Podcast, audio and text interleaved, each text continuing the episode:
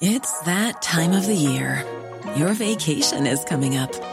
You can already hear the beach waves, feel the warm breeze, relax, and think about work. You really, really want it all to work out while you're away. Monday.com gives you and the team that peace of mind. When all work is on one platform and everyone's in sync, things just flow wherever you are. Tap the banner to go to Monday.com. Many of us have those stubborn pounds that seem impossible to lose, no matter how good we eat or how hard we work out. My solution is PlushCare. PlushCare is a leading telehealth provider with doctors who are there for you day and night to partner with you in your weight loss journey. They can prescribe FDA-approved weight loss medications like Wagovi and Zepbound for those who qualify. Plus, they accept most insurance plans. To get started, visit plushcare.com slash weight loss. That's plushcare.com slash weight loss.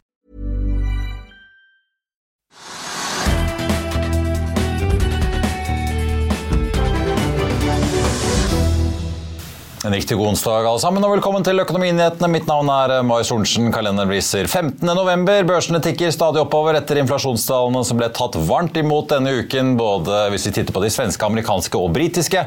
Vi har fått listen over hvem som står igjen når det nå skal avholdes auksjon for norsk havvind.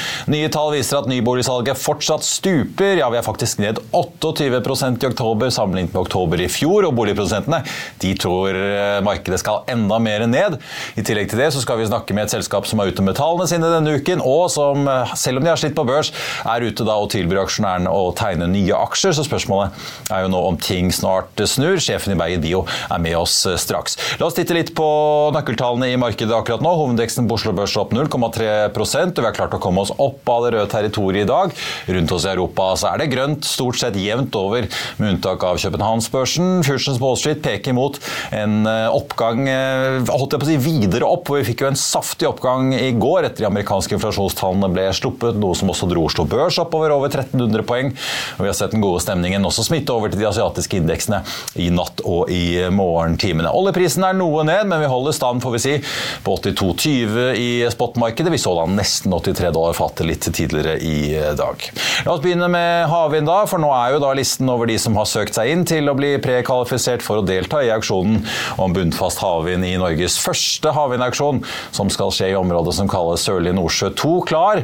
Og Bakteppet her er jo litt uh, mørkt, får vi si. Hydro, Vattenfall og aktører som Magnora har jo allerede takket nei fordi de slet med å se lønnsomheten i satsingen. Så kom kriserammede Ørsted på banen denne uken og varslet at de ikke bare takker nei til Norge, men også da kaster to av sine toppledere på dagen. Med seg tok de Blåvinge-samarbeidet med Hafslund og Fred Olsen, som er ute. En annen aktør som har takket nei, er Hightech Visions Vårgrønn og deres alliansepartnere i Brigg og Energi og Corio. Så er også Deep Wind Offshore og EDF Renewables fra Frankrike ute.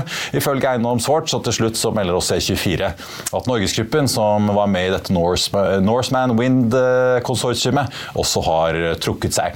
Så hvem eh, gjenstår da? Jo, det er syv allianser som altså er med i kampen om å få bygge ut Sørlige Nordsjø 2, og også får vi si kampen om da 23 milliarder i potensiell statsstøtte. Den ene er Aker Offshore Wind, britiske BP og Statkraft. Vi har Equinor og tyske RV og så har vi kinesiske Mingyang Smart Energy. Norseman, da, som nå er sammen med tyske NBV. Belgiske Parkwind sammen med Ikea-gruppens investeringsselskap Inca er med, og Northsea. Og så er også Shell og de norske kraftselskapene Lyse og Eveny på plass i sin allianse. Og til slutt så er det Hydroelectric Corporation. Olje- og energiminister Terje Aasland sier i en uttalelse at han syns det er veldig positivt at syv grupperinger søker i det som er en urolig tid for næringen. Vi får jo ta med at minstekravet for å kjøre en auksjon da var at det var minst seks budgivere, så da klarte man å få det kriteriet oppfylt akkurat. Før vi kjører videre, så vil jeg bare minne om at hvis ikke du rekker å se denne sendingen, så kan du også høre den og søke opp Økonominyhetene på Spotify, Apple Podcast eller ved å gå inn på fino-podkast. Der kan du også finne intervjuet vårt med elbil-ladeselskapet Saptek, som slapp sine kvartalstall i eh, dag. Vokser fortsatt eh, kraftig. Aksjen startet opp nesten 10% nå ligger de ned 3,2 Men eh, det er jo interessant å høre da hvordan salgstrykket er på ladesektoren, nå som elbilsalget rundt omkring er litt skuffende, får vi si. Vi har fått masse kvartalstall i dag fra selskaper inkludert Lerøy, Austevoll og Rex Silicon. Og her er noe av det Karl Johan Molnes sa om tallene på Børsmorgen i morges. God morgen, eh, Karl Johan. Skal vi begynne med litt eh, sjømat? For vi må nesten ta unna Lerøy og Austevoll før vi tar inn eh, dagens gjest. Hvordan ser det ut hos Lerøy som en av de siste på sjømatlisten som rapporterer tall? Det er skuffende resultater, og det er 631 millioner i operasjonelt driftsresultat mot forventa 749. da, 118 millioner i, i avvik. Men hele avviket ligger på Lerøy Sjøtroll. 200 millioner i effekt på lavere vekt, lavere pris og høyere kostnader. Eh, så det er en sånn omvendt kinderegg. da, Tre ting du ikke vil ha samtidig. Ja, Kutte guidingen? Ja, kutte guidingen ja. også. Altså, for i år, da. Ja. Volumet er fra 181 500 til 169 500 da, tonn.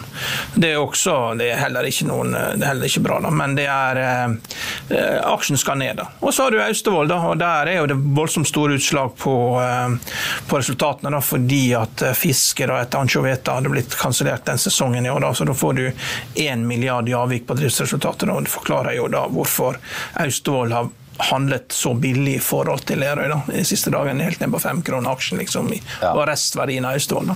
Men dette har man jo visst. Man har jo visst at dette fisket har blitt kansellert. Det er ikke nytt for de som uh, følger med. da. Så... Det var interessant, Øystein Strauss Betalen, som vi skriver om på FA1 har solgt seg kraftig ned i Lerøy eh, nå bare helt innspurten før tallene kom.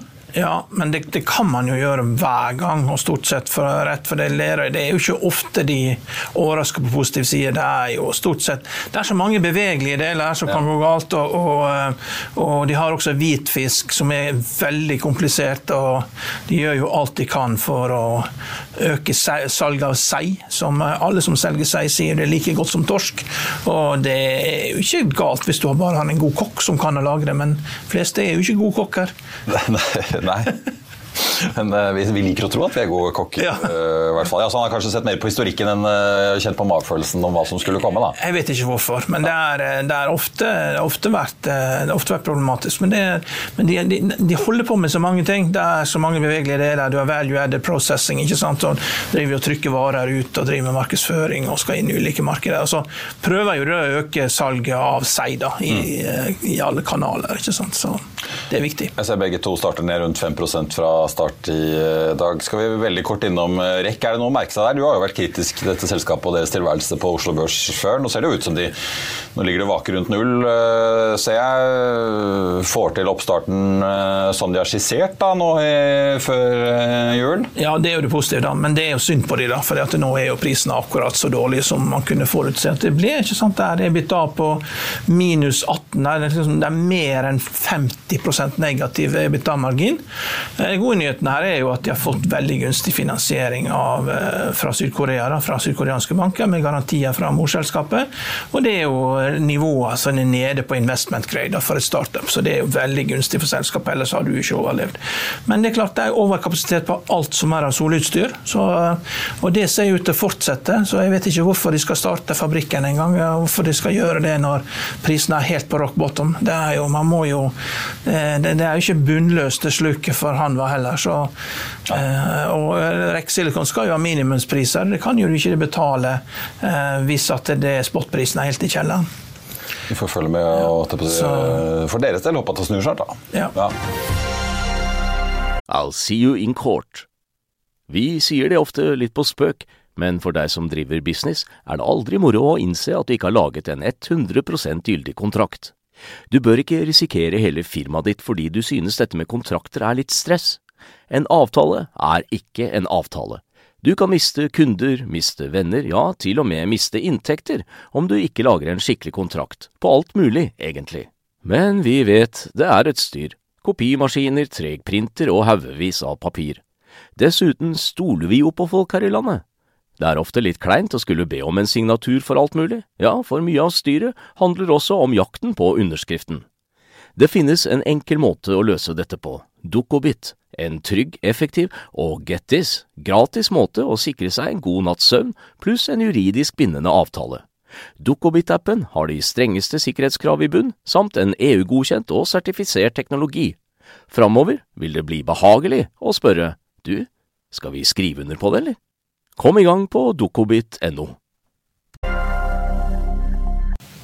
Da skal vi til eh, dagens gjest, som leder et selskap eh, der man slapp tall i går, og i dag sparket i gang den første utøvelsesperioden for de da frittstående tegningsrettene fra emisjonen som ble annonsert tilbake i juni. Der eh, dere altså hentet først 250 millioner Martin Olin i Bergen ja. Bio, men får vi si det sånn, da, med 13 øre i tegningskurs så kan det jo bli 412 millioner eh, totalt i nå to omganger, hvis jeg forstår det riktig? Ja. Det er en tegningsperiode som løper nå, som starter i dag og slutter den 28. november. Ja. Og så kommer det en ytterligere en tegningsperiode som er første to uker på april 2024. Ja, og Dette er tegningsretter som de som var med i fortrinnsrettet I emisjonen. Ja. Tidligere år fikk, altså For hver to aksjer du kjøpte, fikk du én rett. Ja. ja. Eller dem som har kjøpt tegningsrettene. De er jo også tradable. Ja. Dem kan man kjøpe. Man du kan kjøpe de, ja. Da får man gjøre litt sånn uh, kalkulator på mobilen hva som lønner seg. Jeg ser Aksjen ligger jo på en 17-18 øre i dag, så foreløpig så lønner det seg å utnytte de uh, inntil videre. Men uh, for de, skal vi bare ta det, for de som ikke kjenner dere, hvem er Bergen Bio? Ja, Bergen Bio det er egentlig veldig enkelt. Vi holder på å utvikle et, et, øh, en medicin for behandling av lungekræft. Og øh, vi har et, øh, et, medicinsk øh, præparat, som er en pille, altså et oralt øh, en pille, hvor vi har nogle meget lovende data i lungekræft. Vi har vist, at patienterne lever længere. Også de patienter, som ikke responderer på normal terapi. Og nu går vi i første linje, det vil sige, det er den første medicin, patienten får, når man bliver diagnostiseret. Og det gør vi, fordi vi tror, at det er der, vores lægemiddel kan gøre den største for, forskel. Ja. Så vores molekyle... Før eventuelt du får stråling eller... Du får kemoterapi, ja. og så får du øh, immunterapi som standard. Og vores molekyle øh, inaktiverer et protein, som sidder på cellemembranen, som du og jeg alle sammen har. Men canceren er smart, så den bruger den her celleprotein til å vokse med. Og det er det vi inaktivere. Ja. Mm? Fortell litt om løpet. da, fordi at uh, Som veldig mange biotekselskaper, enten er du jo på en måte Pfizer eller Ila Ili eller Novo Nordisk og har masse inntekter og er Strat-konsern, eller så ja. er du gjerne på utviklingsstadiet, litt som ja. dere, Nike og andre. Dere har jo ikke inntekter. Nei. Har tatt kostnadene ganske kraftig ned, men si litt om løpet nå. Så vidt jeg skjønner, så er det pasienttesting i 2024? Ja. ja. ja. Så, så, vi har gjort altså Bergen Bayer har øh, studert det her lægemiddel som heter Benzentamib i mer enn 600 patienter, så vi forstår lægemidlet ganske vel. Og det er også det, der gør, at vi går i faste linje i lungekancer. Nu kjører vi et studie i USA og Europa, i frontline therapy, som man kalder det, øh, hvor vi behandler øh, patienter først, dem som ikke nødvendigvis har en, en specifik mutation, men som er all comers. Og det gjør vi for at sikre at selvom vi mener at vores lægemiddel er sikkert, så er vi nødt til at teste det også i første linje. Når vi har gjort det, så går vi i gang med å teste øh, vores lægemiddel i en spesiell populasjon. Og det er pasienter som har en mutasjon i et gen der heter STK11. Det behøver du ikke å kunne huske. Men når man har den mutasjonen, så har man en forventet levetid på under 10 måneder. Ja. Og det er devastating. Ja, så Dere skal både teste på hele populasjonen med lungekreftpasienter? Først for at det er sikkert, og så ja. går vi i en spesifikk populasjon som har mutasjoner i STK11-genet. Og den population har i dag ikke noen behandlingsmuligheter. Nej.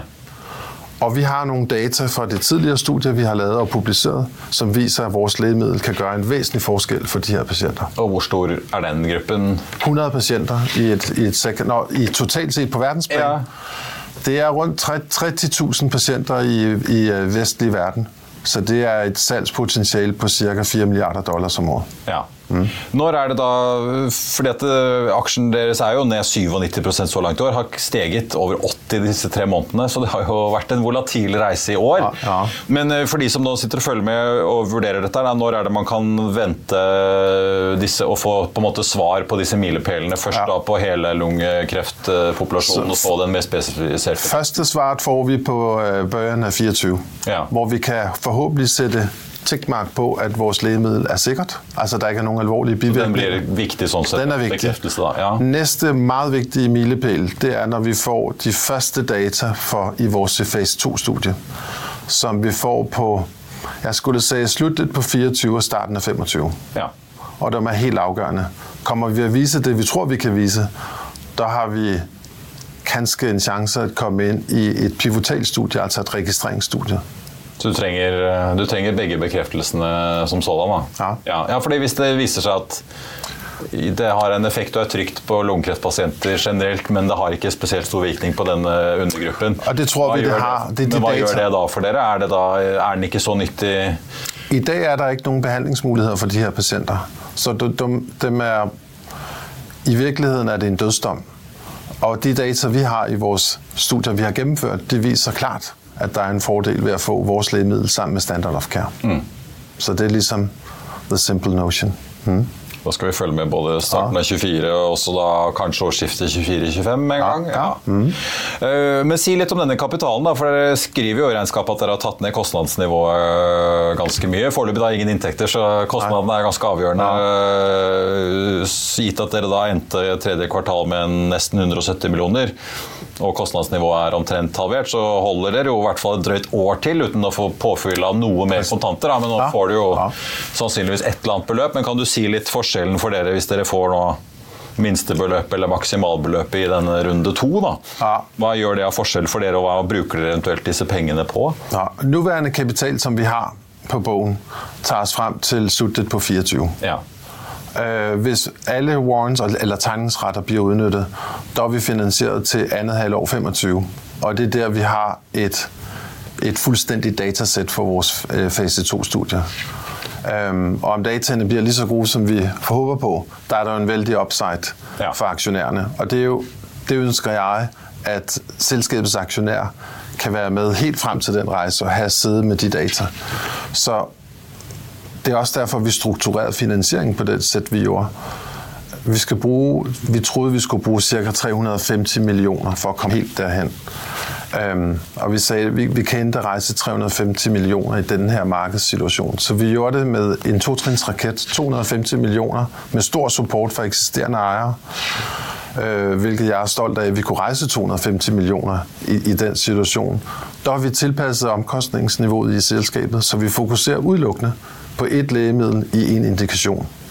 Og det blir det på en måte Uansett hvor dere lander her, Vores lægemiddel virker øh, ganske vist i andre indikationer, men vi har ikke råd med det, og vi tror, at det at fokusere, det er det rigtige. Også i det her marked. Så vi har reduceret vores øh, burn, som, som det hedder, fra ca. 70 millioner til ca. 40 fremadrettet. Ja.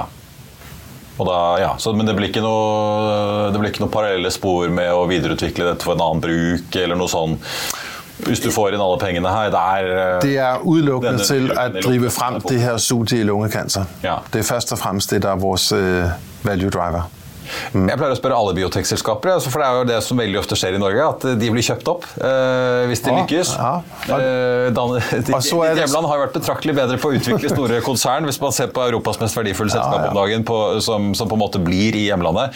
Men i Norge blir de veldig ofte kjøpt opp. Ja. Eh, når er dere, Hvis dette lykkes, da, og dere får de resultatene nå Ja. på starten av 24 og rundt årsskiftet 24-25, er det et potensielt tidspunkt hvor dere kan være et interessant oppkjøpsobjekt, eller er det fortsatt for tidlig?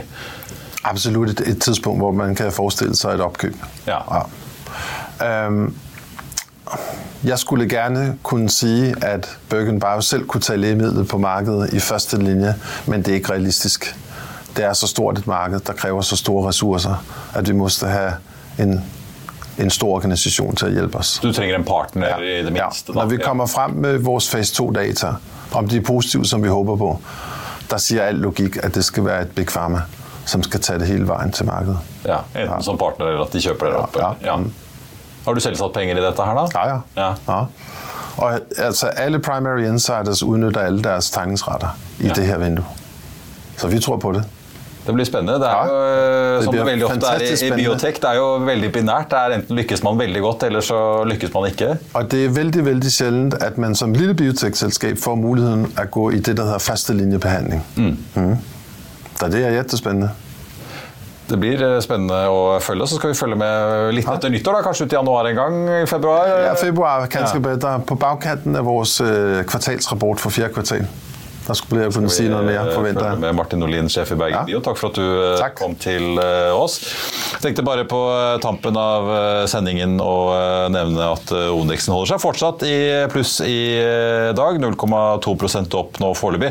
Oljeprisen har mistet litt høyde fra der vi var. 81,70 ligger vi på nå. Stort sett veldig mange av selskapene som har sluppet tall i dag, ligger i rødt, inkludert Saptek, som jeg nevnte, som startet opp nesten tosifret, ligger nå ned et par prosent. Lerøy Austevoll startet rett ned fra start og ligger fortsatt rundt området der eh, vi så dem tidligere i dag, med en nedgang på drøye 5% Og Så har vi Rex Silicon, da, som er ned 2,2% melder om at oppstarten, eller gjenoppstarten, får jeg si, av fabrikken i Moses Lake i Washington State eh, vest i USA skal skje nå i november som planlagt, men så er jo da også markedet de da gjenåpner tilbake til ganske krevende for Rex Silicon, så det er jo litt uheldig da med timingen. Future på Wall Street peker fortsatt opp til eh, det vil kalle en ganske solid oppgang. Nasdaq Futuresen er opp nesten 0,6. SMP Futuresen opp 0,35 nå. I Finansavisen i morgen så kan du lese Trygve Egnars leder om batteribrann i Freyr. Du kan lese om Svedbank som venter flere rentekutt i Norge neste år. Du kan lese om hvorfor Paretos analytikere fnyser av verdsettelsen i Aker Horizons-systemet på fornybarfronten. Og så blir det mer om det kraftige fallet i eh, nyboligsalget her til landet, og så får vi si igangsetting og prisingen. Det var det vi hadde for deg her i dag. Husk at vi er tilbake igjen med Børsmorgen 08.55 i morgen. Da får vi med oss den nye sjefen i gassfraktrederiet BV LPG, som leverer rekordtall, og også panteselskapet Vitco, som konkurrerer med Tomra. Så blir det Økonominyhetene 14.30, og i mellomtiden så får du som alltid siste nytt på FA1. Og mitt navn er Marius Thorensen. Tusen takk for at du så eller hørte på. Ha en riktig god onsdag, og så ses vi igjen i morgen.